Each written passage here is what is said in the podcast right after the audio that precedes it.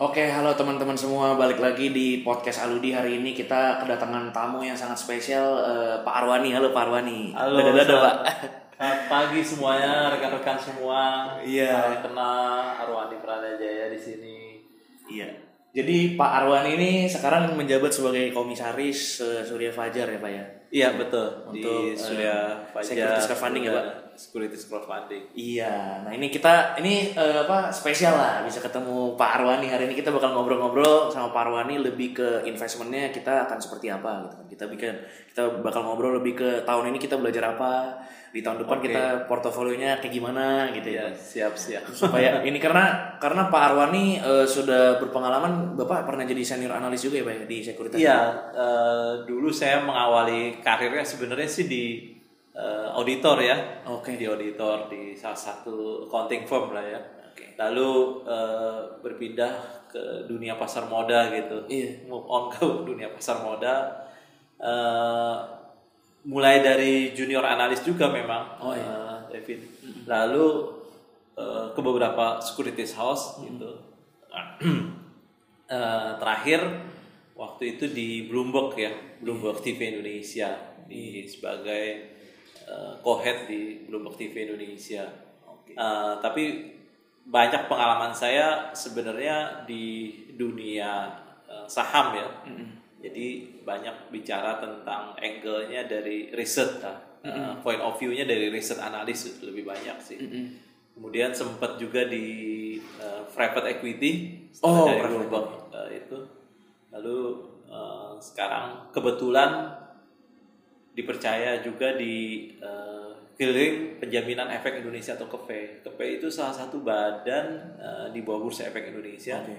untuk eh, salah satunya fungsinya penentuan haircut ya di sana haircut untuk saham-saham yang ditransaksikan di Bursa Efek Indonesia. Saya di sana kebetulan eh, menjadi salah seorang member anggota dari eh, komite haircut di KP. Oke. Iya.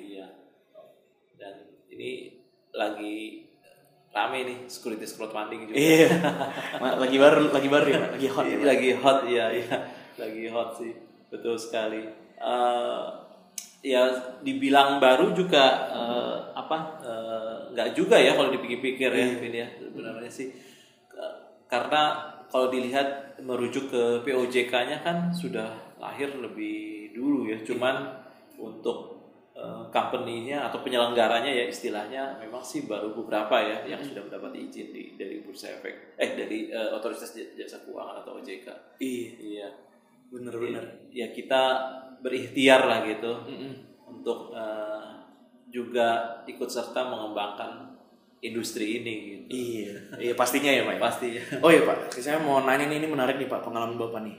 Bapak dulu dari eh, apa auditor dulu ya Pak ya? Iya dari dari tapi nggak lama Covid. Itu kenapa banting setirnya jauh pak? Eh nggak apa nggak jauh juga sih. Nggak jauh sebenarnya sih. Sebenarnya nggak jauh, cuman banting yang, setir yang juga ya? lucu sih waktu itu skripsi saya waktu S1 itu eh, itu justru ceritanya memang cerita saham. Oke. Heeh. Emang berarti emang dari S1 udah kepikiran investment ya pak? ya? udah kepikiran investment. Eh, jadi temanya waktu itu adalah eh, semen, eh, sorry, eh, PT Timah Indonesia. Oh Ya itu salah satu eh, tema skripsi saya waktu itu kan.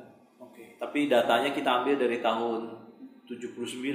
Uh lama juga ya pak. Iya, datanya kita ambil eh, dari harga sahamnya, kita lihat dari performa keuangannya Hmm. sejak dia listing gitu. Ya menarik sih sebenarnya sih e, bicara tentang saham kan selalu ada hal baru setiap hari kan Iya. kalau kita trading kan. Itu yang membuat mungkin lebih atraktif mungkin ya. Iya. Apalagi sekarang kan katanya jumlah investor e, atau biasa kita sebut sebagai RDN ya. Iya. Eh, itu kan sekarang udah naik cukup besar ya. Kalau nggak salah, kalau data bursa efek, kalau saya nggak keliru sekarang udah 8 juta loh.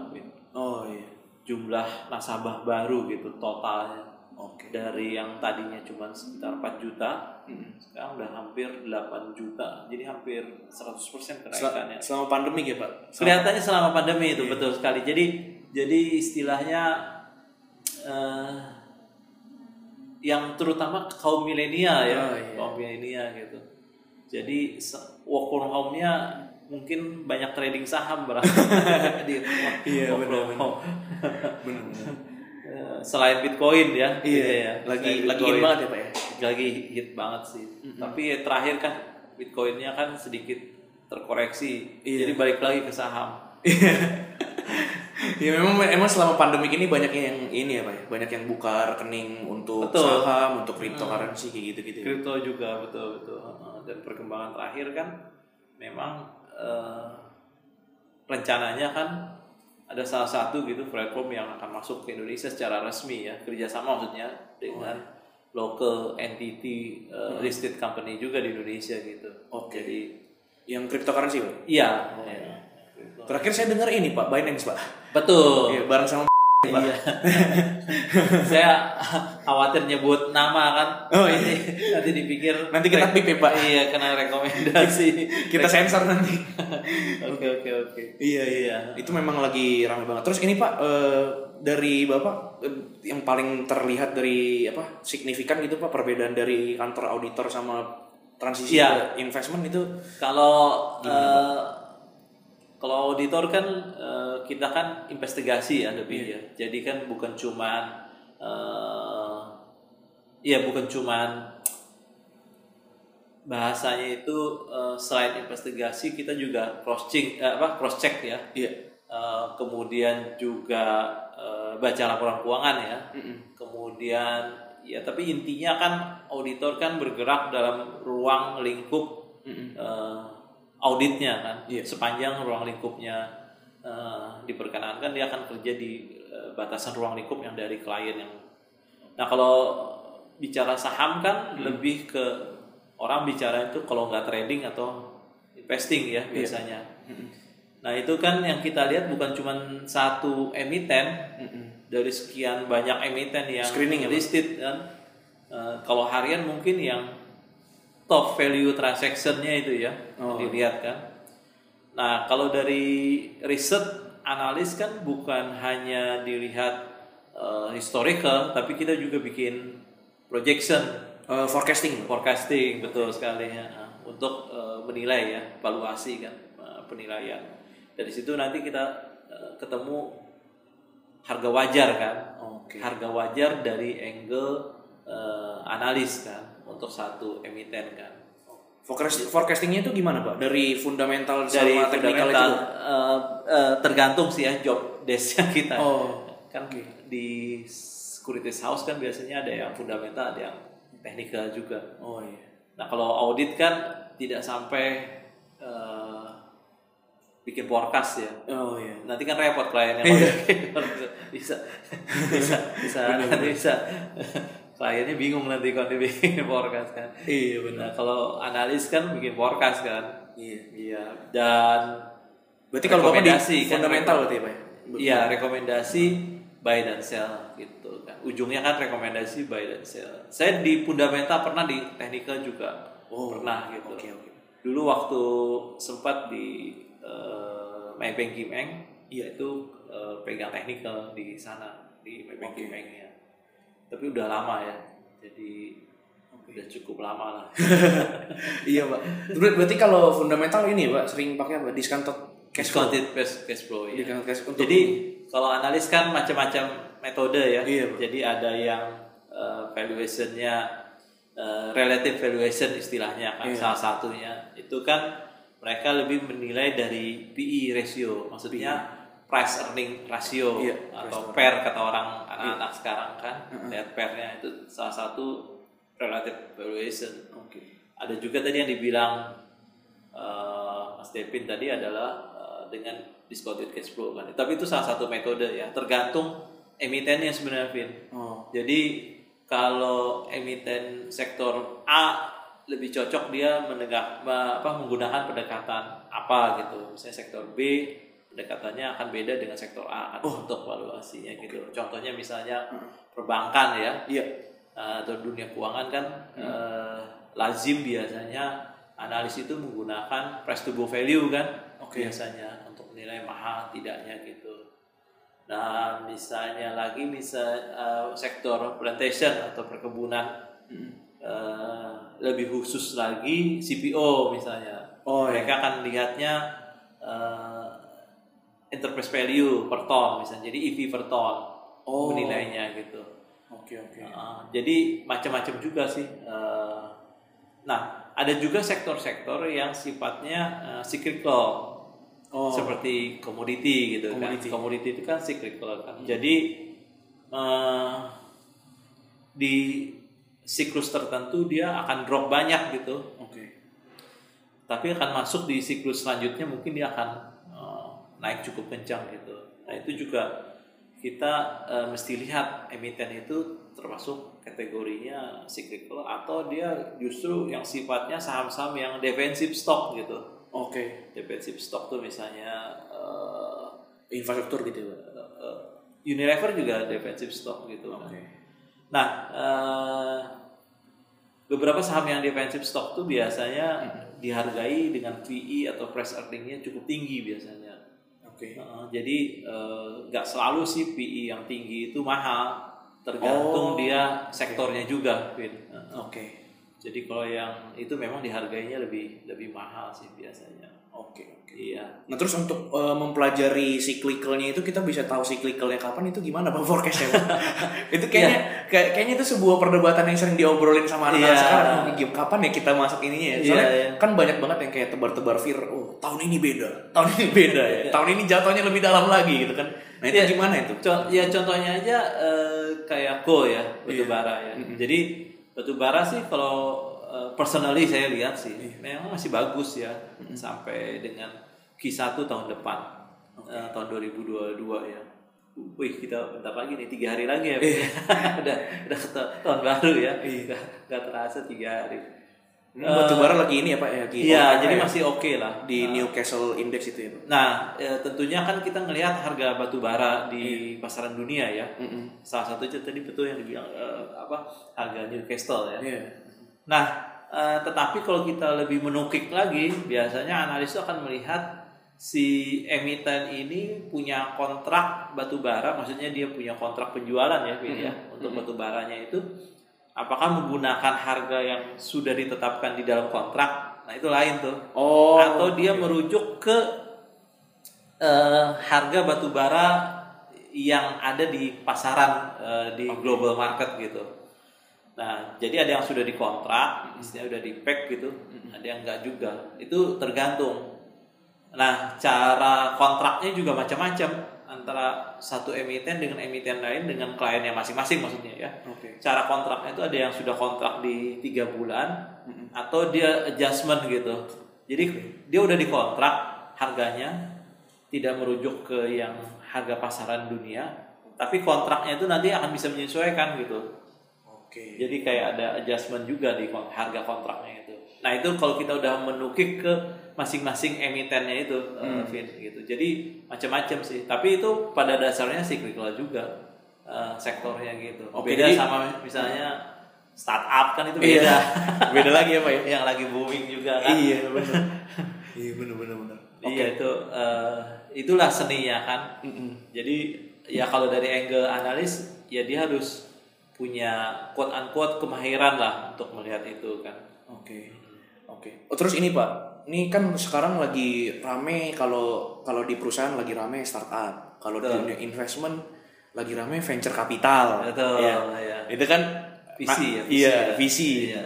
Nah, ini apa yang membedakan Pak? VC, eh, VC investment firm, private equity kan banyak tuh namanya tuh. Iya, Pak. Ini pembe- pembedanya apa itu, Pak?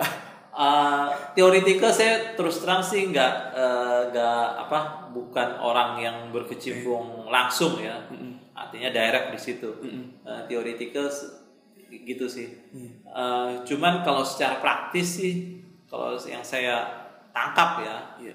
eh, saya punya apa saya nggak punya jam terbang di situ sih Eh, private equity lebih ke sifatnya jangka panjang ya Oke. jadi bukan yang hit run hit run begitu. Oh, yang scale berapa lama, Pak itu? Bisa 10 20 tahun itu, Pak? Bisa sampai ya paling cepat sih tujuh tahun ya.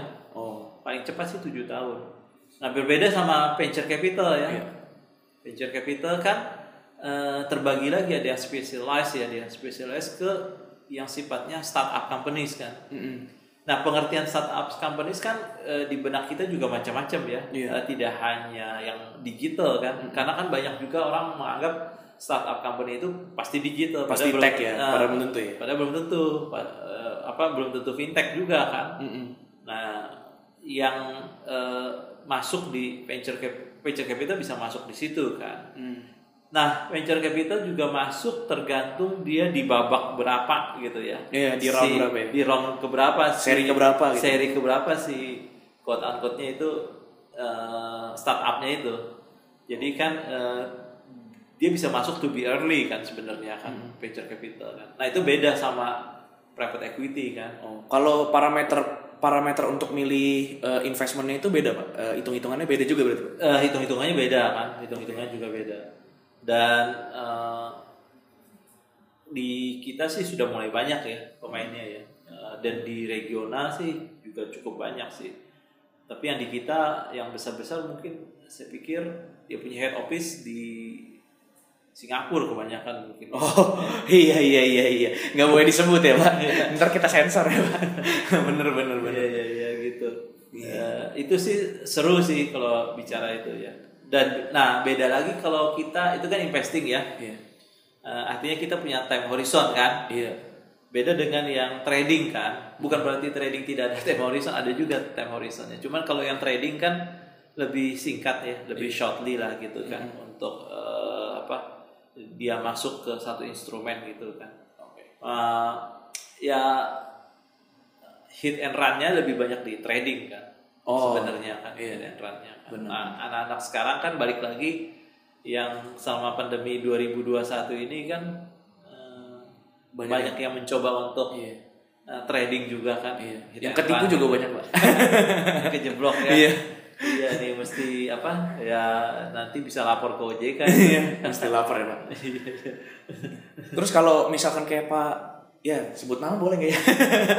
kalau misal kayak ini nanti kita sensor aja pak ya, nanti kita lihat-lihat bareng ya. Eh, kalau kayak Pak itu hitungannya investment firm private equity Iya betul. private equity betul sih. Oke, itu berarti eh, tembak jauh gitu ya pak modelnya pak? Eh, yang saya tahu sih begitu ya, yang saya lihat sih. eh, Nah, terus kalau- mungkin nggak tahu kalau saya keliru sih ya. Iya. Iya. Kalau ini Pak, yang membedakan nih Pak kan kayak di private equity sama di personal, investment personal kan pasti stylenya beda ya Pak ya. Betul. Nah itu eh, rasionya gimana Pak bagusnya Pak? Kan kalau misalkan eh, kombinasinya kombinasi pem- eh, apa stock picknya tuh sektornya yang yang cocok kayak gimana? Kalau misalkan untuk yang eh, private equity sama personal kan pasti beda gitu. Yang bikin bedanya apa gitu? Ya, eh, yang jelas kan eh, toleransi resikonya pasti beda kan. Heeh. Lalu kekuatan modalnya juga eh, apa eh, juga berbeda kan. Iya. Eh, apa eh, pelurunya lah gitu kan. Iya. Yang menarik tuh begini, eh, Vin sekarang pengertian individual investor itu kan bisa juga dikatakan sebagai angel investor kan sekarang kan. Oh iya benar. Jadi si angel investor ini eh, untuk eh, pengertian kita samain dulu biar apa frekuensinya sama ya kita. Ini pengertiannya yang individu ya. Iya. Nah yang individu ini dia bisa masuk sebenarnya eh, ke startup eh, goalnya ya Iya. lewat venture capital bisa juga Oh jadi di atau yang langsung aset management gitu ya Pak? Enggak jadi dia eh, taruh dananya di venture capital Iya, gitu jadi venture capitalnya yang Kelola gitu. yang kelola yang apa mengarahkan gitu kan bukan mengarahkan sih artinya yang menentukan nanti masuk di mananya gitu Oke. sebagai goal target investasinya gitu. Tapi ada juga eh, sepengetahuan saya ya, kalau saya eh, keliru ya, mohon maaf. Iya. Ini angel investor ini bisa langsung juga dia direct Iya. ke satu unit usaha gitu, katakanlah startup gitu. Itu bisa juga sih. Tapi biasanya mereka kan di early stage semua kan. Jadi masih salesnya gitu kan, masih kan. Eh, dan memang akhirnya resikonya juga jadi lebih besar kan. Jadi lebih besar gitu eh, resiko yang bakal ditanggung kalau gagal maksudnya. Iya. Nah ini eh, seninya begitu. Nah eh, catatan juga yang orang eh, mungkin sebagian udah aware juga ya, Iya. tapi nggak apa-apa. Yang individu ini Hmm. itu bisa juga nitipkan dananya ke private equity sebenarnya. Oh, oke. Jadi beberapa individu yang ultra high net worth ya, Iya. kita bilang aja ultra high net worth ya, Iya. itu mengumpulkan dana, nah, eh, nanti terkumpul jadi private equity. Oh, Nah, nanti yang private equity ini yang sudah jadi in- institusi ya, jadi lembaga ya, itu akan menentukan target eh, pemilihan eh, produk produk maupun target investasinya mau diinvestasikan ke mana gitu. oke. Jadi eh, yang individu sih nggak terlalu pusing ya kalau dia taruhnya di private equity gitu. Oke, oke. Iya. Oke. Tapi ini bukan rekomendasi. Iya, iya. Harus hati-hati ya Pak sekarang ya Pak. Iya, bukan rekomendasi jual atau beli. Oke, eh, kita bakal masuk ke sesi kedua. Kita break dulu sebentar ya teman-teman. oke. Oke, thank you. Thank you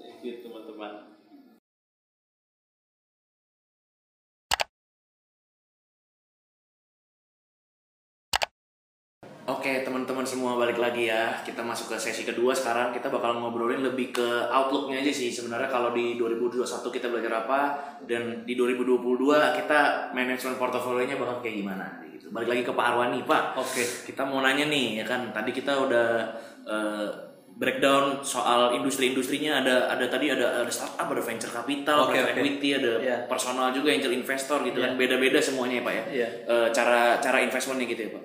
Nah, kalau dari selama pandemi ini nih, Pak, kita yang paling bisa kita dapat kita petik selama investment di 2021 tuh kita bisa belajar apa di di 2021 Pak? untuk untuk Iya. investment sendiri Pak. Eh, menarik sih ya ini. Eh, menariknya itu kalau kita lihat eh, walaupun eh, di saya dari berangkat dari saham dulu ya. Iya. Kalau kita berangkat dari saham sendiri ya di bursa itu sendiri beberapa sektor memang mengalami eh, booming ya. Iya. Jadi kalau kita ingat dulu di akhir 2020, akhir 2020 dulu ya, sampai dengan awal 2021 Mm-mm. itu eh, saham-saham perbankan yang memimpin. Iya. Kita ingat ya saham-saham perbankan semua eh, sampai menjelang eh, BRIS ya, Iya. eh, Bank Syariah Indonesia eh, selesai corporate actionnya kan, itu kan selesainya BSI nampaknya saham-saham perbankan juga udah mulai eh, mengendor ya. Lalu diikuti eh, kemudian eh, sektornya adalah saham-saham eh, healthcare ya Oke. dan eh, bukan cuma healthcare tapi yang hospital juga hospital. Jadi rumah sakit, eh, pelayanan kesehatan, eh, farmasi Iya. itu kan booming. Jadi semua saham-saham farmasi dan yang bicara healthcare juga luar biasa booming. Jadi perbankan, farmasi, healthcare, lalu disusul dengan eh, saham-saham eh, CPO waktu itu Oke. menguat. Nah, eh, oh sebelum CPO ini dulu eh, digital. Oh iya. Nah, digital. Lalu setelah digital stop saham-saham digital Iya digital ya. eh, batu bara. Oh. Jadi dalam setahun 2021 ini ada lima sektor saya pikir ya eh, yang yang mengalami penguatan gitu dari perbankan, healthcare, lalu eh, fintech, digital, lalu CPO ditutup dengan batu bara, saham-saham batu bara yang menguat Mining sampai mungkin sampai hari ini ya saham-saham batu baranya masih masih menguat ya. Oke. Ya, jadi ada lima sektor gitu. Kalau kita review ya yang kejadian di 2021, Uh, rupiahnya uh, sempat di bawah 14.000 tapi dari mid tahun 2021 ini sampai dengan penutupan tetap bertengger di atas 14.100 ya. Jadi uh, rupiahnya juga uh, kecenderungannya kalau saya lihat sih kecenderungannya ada tekanan juga ya nanti buat ke depannya juga di tahun depan 2022 itu. Oke. Uh, lalu yang di luar uh, sektor saham mungkin di awal-awal tahun sampai dengan pertengahan tahun kan orang banyak bicara Iya. eh, Bitcoin ya, Iya. cryptocurrency. Sih. Eh, walaupun ada fatwa dari MUI, Iya. Iya benar. sudah sudah produk yang eh, belum bisa diterima haram ya Iya. oleh MUI sih. Terus mengalami pelemahan, orang kembali lagi ke saham sih kalau kita lihat secara umum ya.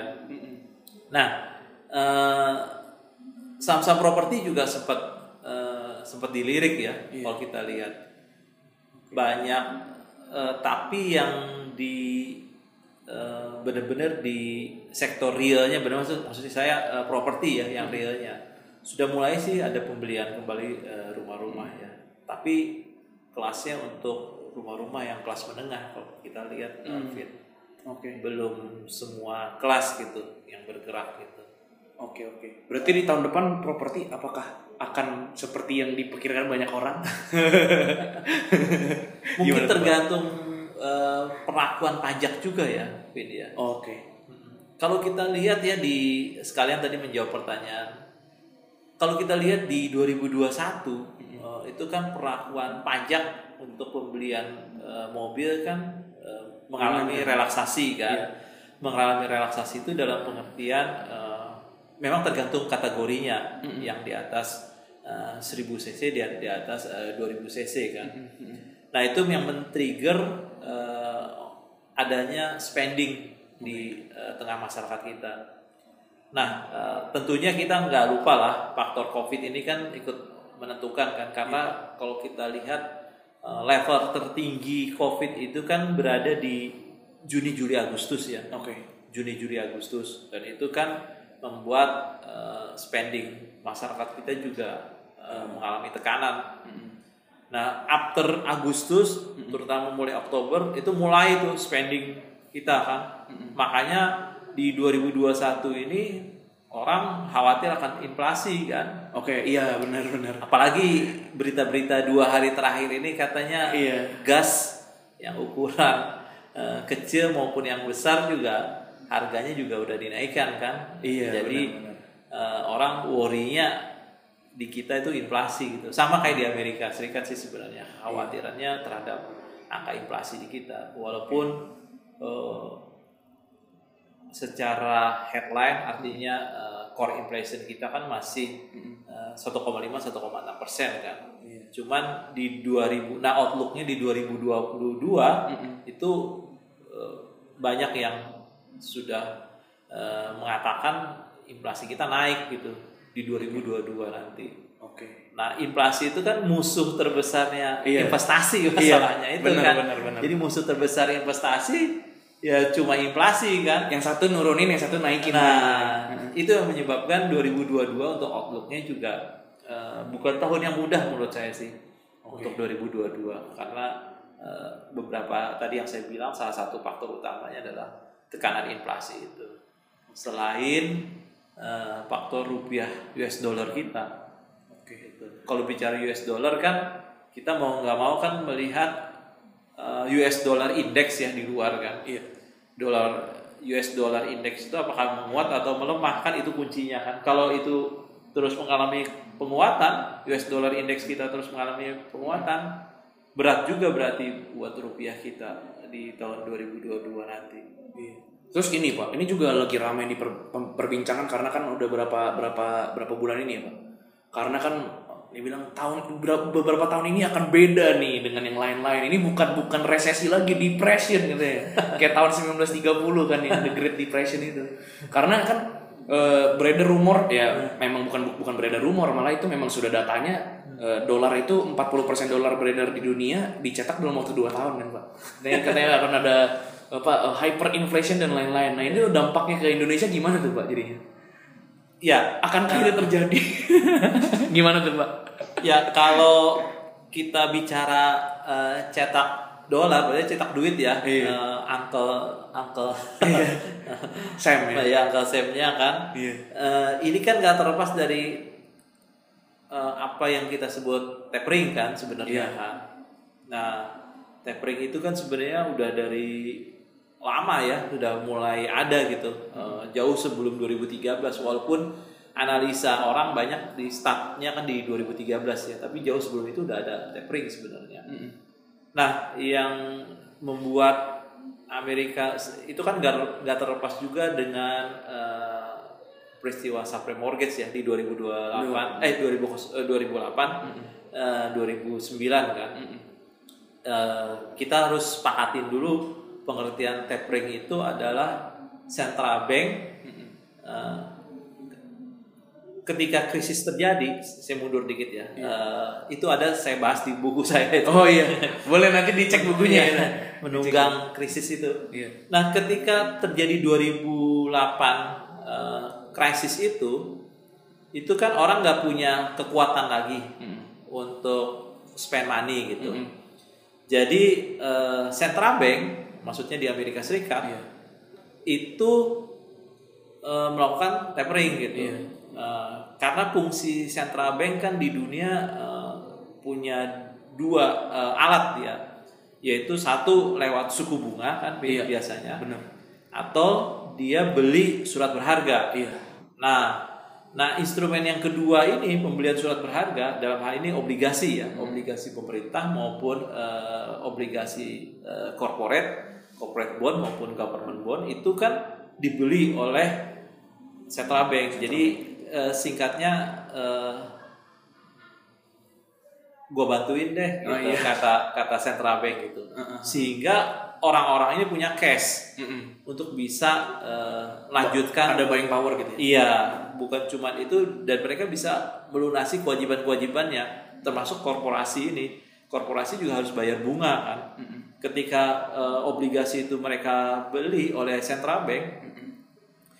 Nah, pembelian obligasi ini kan yang mau tidak mau juga menuntut akhirnya US dollar tadi yang dibilang Iya. eh, David tadi adalah cetak lagi gitu kan Iya. cetak. Nah, karena Fed udah beli eh, surat berharga, Iya. nah asetnya di di di pembukuannya Fed, di pembukuannya Central Bank itu kan asetnya jadi naik. Oh Nah, iya. Oke. Naik kan asetnya, bong bong bong bong.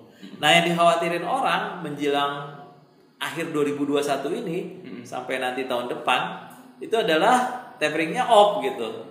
Oke. stop gitu. Nah kalau tapering off kan karena aset di bukunya bank itu kan di central bank kan udah tinggi sekali kan. Nah itu nanti Oke. yang bikin eh, orang mulai cemas gitu di 2022 itu terutama ya walaupun gaungnya kan udah mulai di di, di Oke, oke. November kemarin ya November eh, tahun ini 2021 sehingga eh, tadi yang dikatakan eh, kamu tadi cetak duit ya memang cetak duit kan. Nah hasil duit US dollar ini kan ke mana-mana Vin termasuk ke Indonesia gitu. Oke. kenapa Indonesia butuh US dollar? Karena kan ekspor impor. Iya. Nah, impor kita kan menghasilkan dolar juga kan. Iya. untuk eh, apa eh, sorry ekspor kita kan menghasilkan dolar. juga kan. Begitu juga dengan impor kan. Iya. kita butuh dolar juga kan untuk impor kan itu nyampe juga US dolarnya ke Indonesia gitu ke mana-mana ke seluruh negara gitu Perputaran cash flow-nya. Iya, sehingga US dollar itu mengalami penguatan terhadap major currency. Major currency itu ada delapan ya major currency itu. Eh, salah satunya renminbi yang terakhir masuk kan Iya. dalam basket eh, major currency itu. Iya. Nah, itu yang disebut orang sebagai US dollar index gitu. Jadi pergerakan mata uang US dollar terhadap eh, major currency di beberapa negara gitu. Nah, kalau mereka terus menguat, sorry, kalau US dollar indexnya terus menguat, itu sempat bikin cemas juga itu kalau ke yang lain, termasuk kita ya. Iya pastinya. Nah, untungnya Indonesia itu dia punya neraca perdagangan kita itu kan all time high juga ya Oh kemarin oke. Sama halnya dengan eh, cadangan devisa kita juga all time high kan. Oh iya. Nah, eh, ini yang membuat Indonesia cukup bisa lah eh, Menghela napas ya. manage eh, Iya. kondisi eksternal ya. Oke. Jadi eh, kita lihat juga kondisi internal kita juga kan, Hmm. selain faktor-faktor eh, eksternal itu. Nah, eh, di kita eh, kebijakan yang diambil oleh pemerintah salah satunya adalah relaksasi di perpajakan kan. Walaupun nantinya ada tax amnesty kan di tahun depan. Nah, itu Tapi itu jadi ya Pak? Tax amnesty. Saya so dengar far sih nggak jadi katanya. nggak tahu saya jadi nggak jadinya ya. Tapi yang di berita sih masih masih cukup hangat kan diberitakan yang untuk tax amnesty tahun depan kan. Nah, eh, sehingga eh, kenapa pemerintah mengambil jalan itu untuk stimulus kan, stimulus eh, spending masyarakat gitu. Iya. Ya, biar roda ekonominya Jalan terus ya? jalan. Nah, Karena kan eh, problemnya ini rodanya ekonomi ini kalau nggak jalan kan repot juga kan. Iya. Makanya kita punya GDP, real GDP kita kan udah membaik ya. Dan harapannya mungkin eh, tahun depan kita punya proyeksi eh, tahun 2022 eh, 5 sampai 5,5 persen untuk angka GDP kita bisa bisa tercapai ya. Oke. Asalkan tekanannya nggak terlalu kuat ya di dolar indeksnya kan. Itu kan bisa mukul rupiah juga kalau terlalu kuat eh, dolar indeksnya. Iya. Soalnya banyak banget Pak Fir kan berapa berapa hari ini yang Fir Asal jangan FOMO katanya. Iya, bener bener kan. Kalau FOMO, kalau FOMO juga ada, Fir juga ada ya kan. Kayak contohnya eh, US sekarang utangnya udah lebih dari satu banding satu kan, kalau nggak salah udah satu koma, Iya. udah udah lebih utangnya udah lebih banyak daripada ininya. Nah, habis itu eh, Cina juga kemarin ada properti bubble yang itu, Betul. ya kan ada properti bubble. eh, itu rame banget itu. Itu gimana tuh Pak kalau properti Nah, bubble Cina? eh, itu bisa kejadian keulang nggak Pak? Jadi 2008 lagi? Sebenarnya eh, sebenarnya eh, properti problem di China itu udah sejak lama. Saya pernah nulis dulu di tahun 2013 bahkan Iya. eh, tulisan saya waktu masih di tempat yang lama ya. Itu udah ada problem memang 2013 itu properti itu di China. Problem Cuman, apa tuh Pak? eh, artinya begini, supply-nya kebanyakan Oh, dan itu nggak bisa di-stop. Oh, oke Gitu. oke oke oke. Ah. Itu yang bikin harga jatuh tuh. Nah, baru benar-benar meletus kan di tahun ini Mm-mm. di 2021 ini. Hmm. Ternyata setelah ada kasus pertama, ada kasus kedua, ada kasus ketiga kan. Nah, jadi berentet ya, Pak? Jadi ternyata bukan cuman kasus, cuman satu kasus aja ternyata beruntun gitu. Hmm. Nah, sebenarnya bagi kita sih nggak terlalu mengagetkan kan, karena memang problem propertinya itu berma dalam tanda kutip ya supply-nya besar sekali loh di China itu. Itu udah lama sebenarnya tuh, Eh, baru mengemuka di tahun ini. Nah, tapi problem properti di China dengan di Amerika Serikat itu background story-nya berbeda. Kalau di Amerika kan waktu subprime mortgage itu kan Iya. Di tahun 2008 itu kan itu karena eh, KPR itu Banyak yang nggak bisa bayar kan? Iya, ujungnya banyak yang nggak bisa bayar. Makanya disebut eh, subprime ya. Jadi bukan nasabah yang prime, tapi di bawah yang prime gitu. Artinya sebenarnya eh, kamu nggak layak untuk dapat KPR, Mm-mm. tapi sedemikian rupa Sama kredit sc- scoringnya ya? Iya. Kredit scoringnya dibagusin dengan sedia dengan sedemikian apa sedemikian rupa akhirnya kamu menjadi layak gitu. Dari prime menjadi subprime kan itu. Jadi yang tidak yang kurang layak menjadi layak dapat KPR gitu. Berarti beda kasus memang ya, Pak? Beda kasus. Bahkan di Amerika itu satu orang bisa punya empat Rumah empat properti KPR. Oh iya. Kan luar biasa itu. Dari kartu kredit dia bisa KPR rumah gitu. Berarti eh, benang merahnya kalau yang di US itu banyak yang non performing loan gitu ya? Iya jadinya itu kan eh, Nggak bisa mortgage-nya itu jadi Mortgage bermasalah gitu. bermasalah. Kalau yang Cina kebanyakan supply gitu ya? Kalau di Cina lebih tekanannya ke supply ya, kalau saya lihat sih. Nah eh, di Amerika sendiri, di Amerika Serikat sendiri itu kan sampai eh, apa eh, lewat produk eh, yang kita sebut Yang itu kolateral itu ya, Pak? ya DMO itu kan. Iya. Itu. Oke, oke, oke. Eh, eh, eh sorry. Eh, nah produk-produk yang eh, seperti itu itu kan sebenarnya hybrid ya. Iya. hybrid ya. Jadi itu produk turunan gitu. Hmm. Produk turunan eh, lewat rekayasa keuangan, rekayasa apa eh, financial engineering. Iya. Nah itu yang hybrid itu yang stimulus terjadinya krisis di 2008 gitu. Sehingga eh, di 2009 sih udah mulai ada ribbon ya teknik ribbon lah kalau orang market bilang kan teknik ribbon di 2009 ya Eh, Apa namanya Pak? Itu produknya CDO salah. CDO sorry sorry Yang ya, collateral CDO. Debt Eh, obligation. ya Itu ya Pak. Itu karena di, CDO, CDO, di- sorry. dibiayain sama luar ya Pak itu ya Pak itu. Ja- eh, jadi lembaga-lembaga keuangan ini yang membiayai sebenarnya Oke. kepada yang kategori yang kurang layak dapat bahkan tidak layak dapat KPR, dapat Nah. mortgage gitu. Oke, oke. Lewat produk itu. Karena- Dan dan itu dikolateralkan lagi nanti ke lembaga keuangan yang lain gitu. Oh, oh itu yang jadi rantainya gitu Pak. Itu jadi rantainya. Jadi kalau kita dulu belajar matematika ada F1, F2, F3 kan. Oh iya iya iya. Jadi mereka turunannya gitu sampai F3, F4 gitu. Dan itu Oke. dijadikan kolateral di eh, Jadi lembaga-lembaga eh, Pembiayaan keuangan dioper-oper ya Pak. Iya, jadi kalau bahasa sederhana dioper-oper gitu kan. Iya, dioper-oper gitu kan.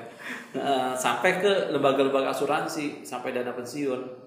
Jadi goyang semua itu lembaga-lembaga asuransi di sana termasuk dana pensiunnya. Yang geger itu Lehman Brothers itu ya Pak. korban pertamanya Lehman Brothers. betul betul Lehman Brothers kor- korban pertamanya sih. Oke. Nah buat kita ke depannya sih eh, kalau saya lihat sih eh, properti kita eh, tidak seperti itu ya. Oke. Eh, tidak seperti itu kalau sektor properti kita. Oke. Cuman eh, kalau yang mm, menjanjikan untuk tahun depan eh, saya bilang sih masih healthcare ya Hmm. untuk sektornya gitu di saham. Mm-mm. Kalau properti gimana tuh? Eh, saya properti sih bagus ya, tapi stimulusnya saya bilang eh, belum sepenuhnya terlihat ya stimulus Oke. stimulusnya gitu belum sepenuhnya terlihat. Berarti kalau artinya Heeh. artinya eh, buying power kita juga belum sepenuhnya balik kah ke kondisi yang sebelum eh, pandemi terjadi gitu. Berarti kalau secara performing saham ya gitu ya Pak, kayak tadi Bapak cerita ya Pak. Iya, sangat- Kecuali kalau kita sangat- beli propertinya ya Pak. Kalau sangat ini ya sangat ter sangat sangat tergantung case by case ya mungkin ya. Kalau Tapi kalau sahamnya saya pikir eh, healthcare-nya masih masih cukup promising ya. Oke. Kalau kalau propertinya justru bisa dibeli ya Pak. Kalau untuk yang mau mau KPR KPR sekarang bisa ya Pak. Yang kayak saya bilang sih sekarang kan justru eh, sistem KPR di kita di Indonesia itu kan lebih panjang ya Iya. usia KPR-nya ya. Nggak kayak zaman dulu kan paling mentok 15 tahun tuh. Iya. Kalau zaman dulu kan. Sekarang kan lebih panjang. Eh, yang menarik itu yang kelas menengah saya bilang Oh, oke. yang kelas menengah gitu yang fisik ya kita bicara properti fisik ya Oke. yang kelas menengah gitu Eh, artinya demandnya cukup besar gitu Oke. kan kuenya kan atas tengah bawah ya yang tengah lebih besar demandnya gitu Oke. mungkin yang budget eh, satu bio ya satu sampai dua miliar gitu. Oke, oke, oke. Menarik, menarik, menarik. terutama yang keluarga yang first home ya. Jadi yang baru merit Oh. atau yang baru punya dapat pekerjaan. Sekarang saatnya ya. ya jadi eh, bisa beli tuh yang baru kerja atau baru menikah berkeluarga gitu. Atau baru punya anak satu kan. Jadi mereka benar-benar yang butuh.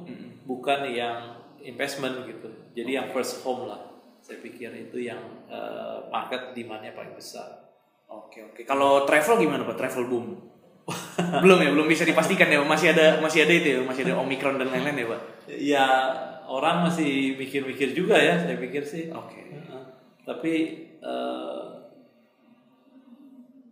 untuk eh, daerah-daerah wisata tertentu mungkin udah mulai rame ya Oke.